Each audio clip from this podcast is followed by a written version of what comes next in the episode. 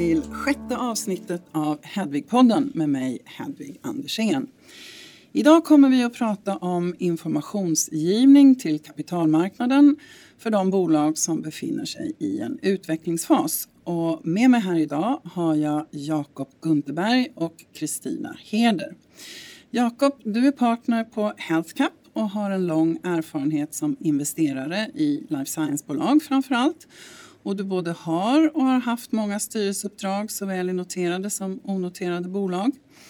Och Kristina, du har också en minst lika lång erfarenhet inom life science där du framför allt har kombinerat strategisk läkemedelsutveckling med affärsutveckling. Du har också varit VD för Modus Therapeutics, ett svenskt eh, biotechbolag och så har du styrelseuppdrag i två börsnoterade bolag idag, Idogen och PCI Biotech. Så varmt välkomna till er båda två. Kul att ni kan vara med här i podden idag. Eh, enligt prospektreglerna så är ju ett publikt bolag skyldigt att lämna information om sin verksamhet. Eh, men ni har båda två varit med och tagit fram Sweden Bios eh, policydokument som är tänkt som ett komplement till de här prospektreglerna. Så kanske du Kristina kan berätta lite kort varför ni tycker att det här dokumentet behövs? Sweden Bio vill ju verka för att branschen långsiktigt har bra tillgång till kapital. Eh, men vi jobbar i en väldigt komplex bransch eh, och det kan vara svårt för småsparare att riktigt förstå hur de här bolagen fungerar. Eh, genom att införa den här policyn så, så, beskriver vi vilken typ av information som vi tycker ska finnas tillgänglig när man gör så kallade ägarspridningar, man går ut och söker nytt kapital. Eh, och på det sättet så vill vi underlätta för investerare att både förstå bolagen och kunna jämföra bolagen bättre. Så det är en typ av utveckling eh, genom att se till att rätt information finns tillgänglig för dessa investerare. Mm. Och Jakob, har du kanske någonting som du vill tillägga mer ur ett ägarperspektiv kanske? Ja, och från Sweden Bio-perspektivet där jag ju ingår i samma arbetsgrupp mm. som du Kristina. Mm. Och eh, jag tror att det här är viktigt för branschens långsiktiga utveckling och eh, eh seriositet som man väl också kallar det för. Mm. Därför att eh, som Kristina sa, det är en komplex bransch. Det är svårt att förstå riskerna. Och eh, det är många bolag som kommer till börsen eller gör ägarspridningar som är underkapitaliserade. Mm. Och det är svårt för gemene man att förstå vad som krävs för att komma över en viss utvecklingströskel eller till en viss punkt i utvecklingen. Och eh, det är en viktig fråga för en investerare. Och eh, transparens är alltid bra. Mm. Och det här ska ju bidra till att öka transparensen för de här bolagen. Ja. Så i det här policydokumentet då så finns det sex områden som ni belyser.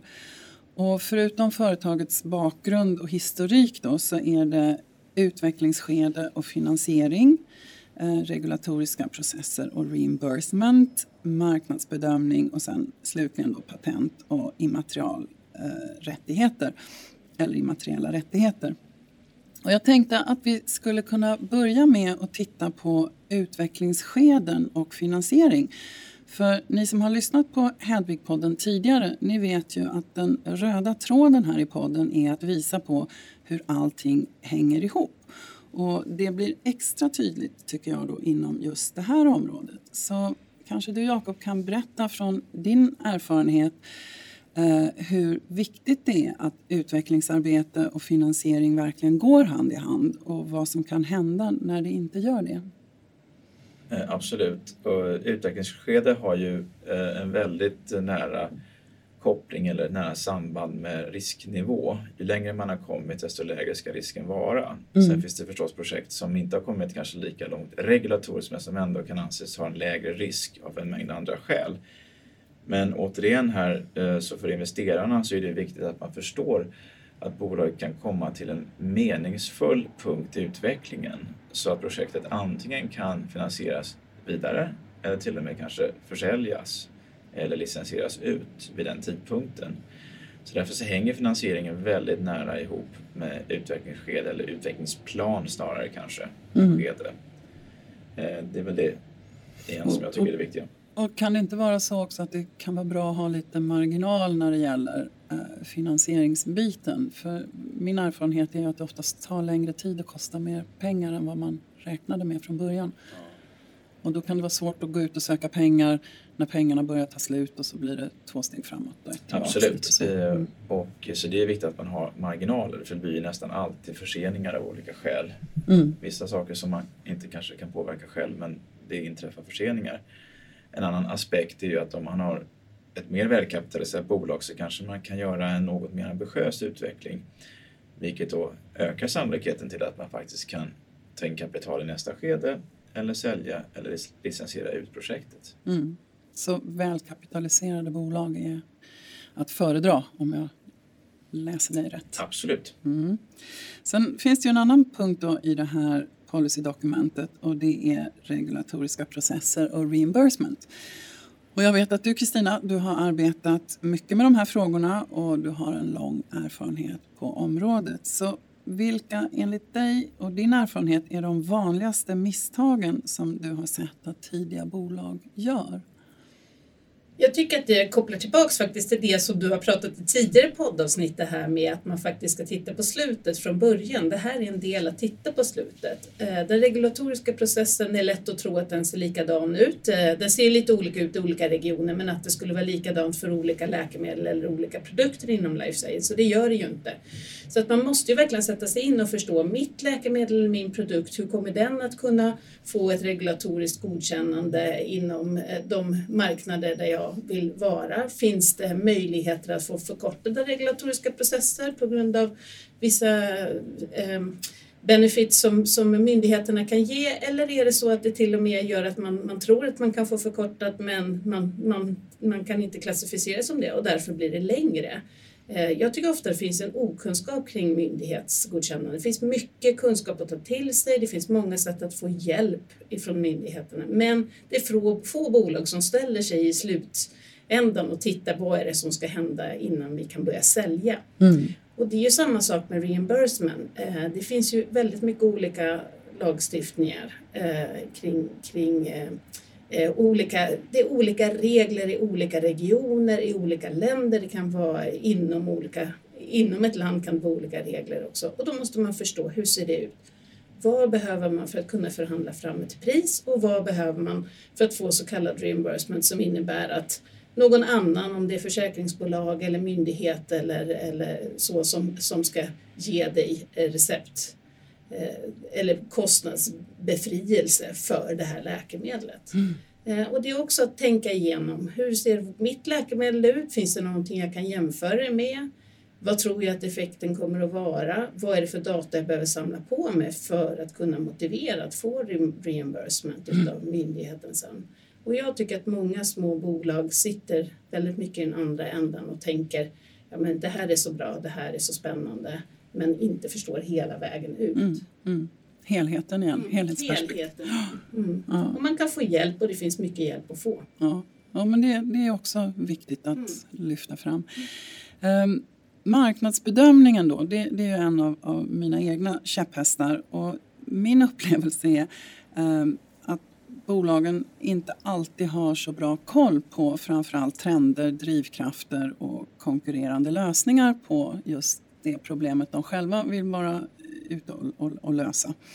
Så Jakob, hur är din erfarenhet och har du några bra råd hur innovativa företag kanske bli, kan bli ännu bättre på sin omvärldsbevakning?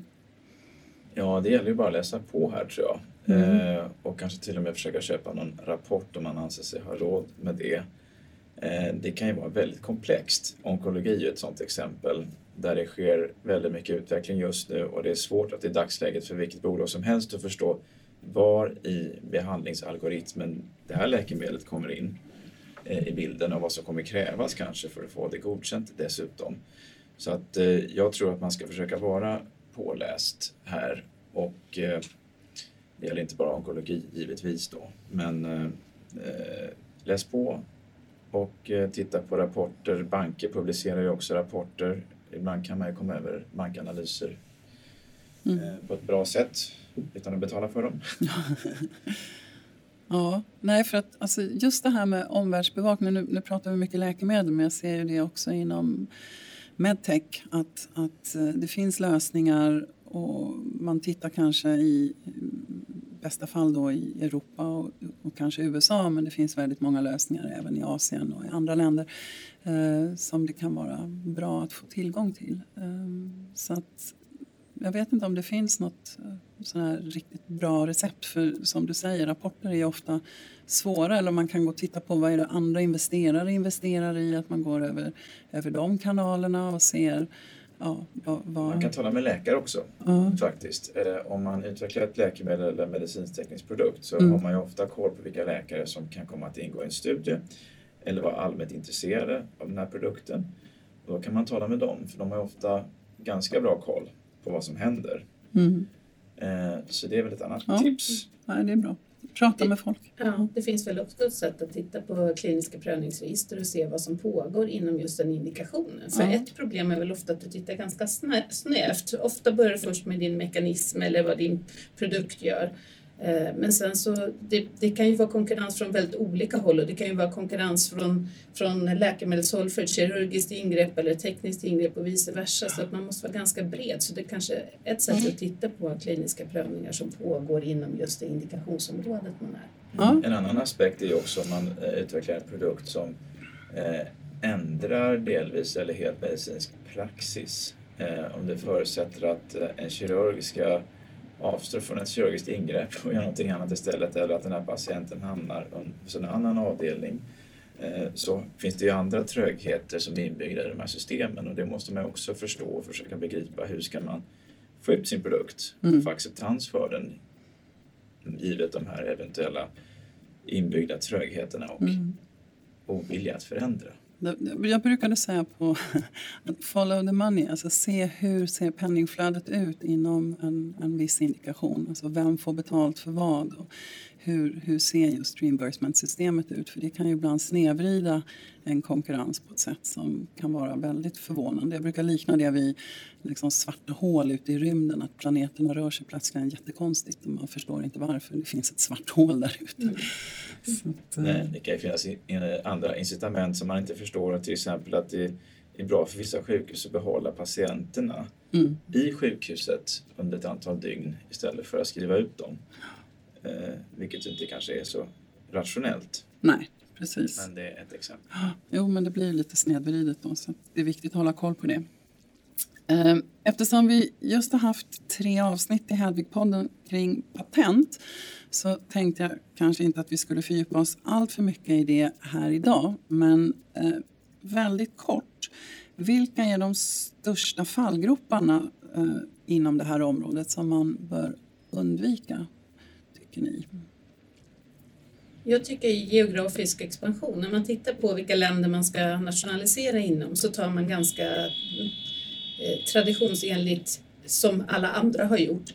Eh, men man ska tänka på var finns patienterna någonstans? Var finns största hotet att produktion kommer att ligga någonstans? Och så ska man verkligen tänka igenom vilka länder som är de viktigaste länderna för den produkt som man själv utvecklar. Mm. Det tycker jag är en fallgrop. Och dessutom så är det så att man, eh, man siktar efter att få för breda patent som med, i sin bredd blir, för, blir svagare. Det är de två sakerna som jag tycker att folk ofta missbedömer. Vi har ett mm. brett patent.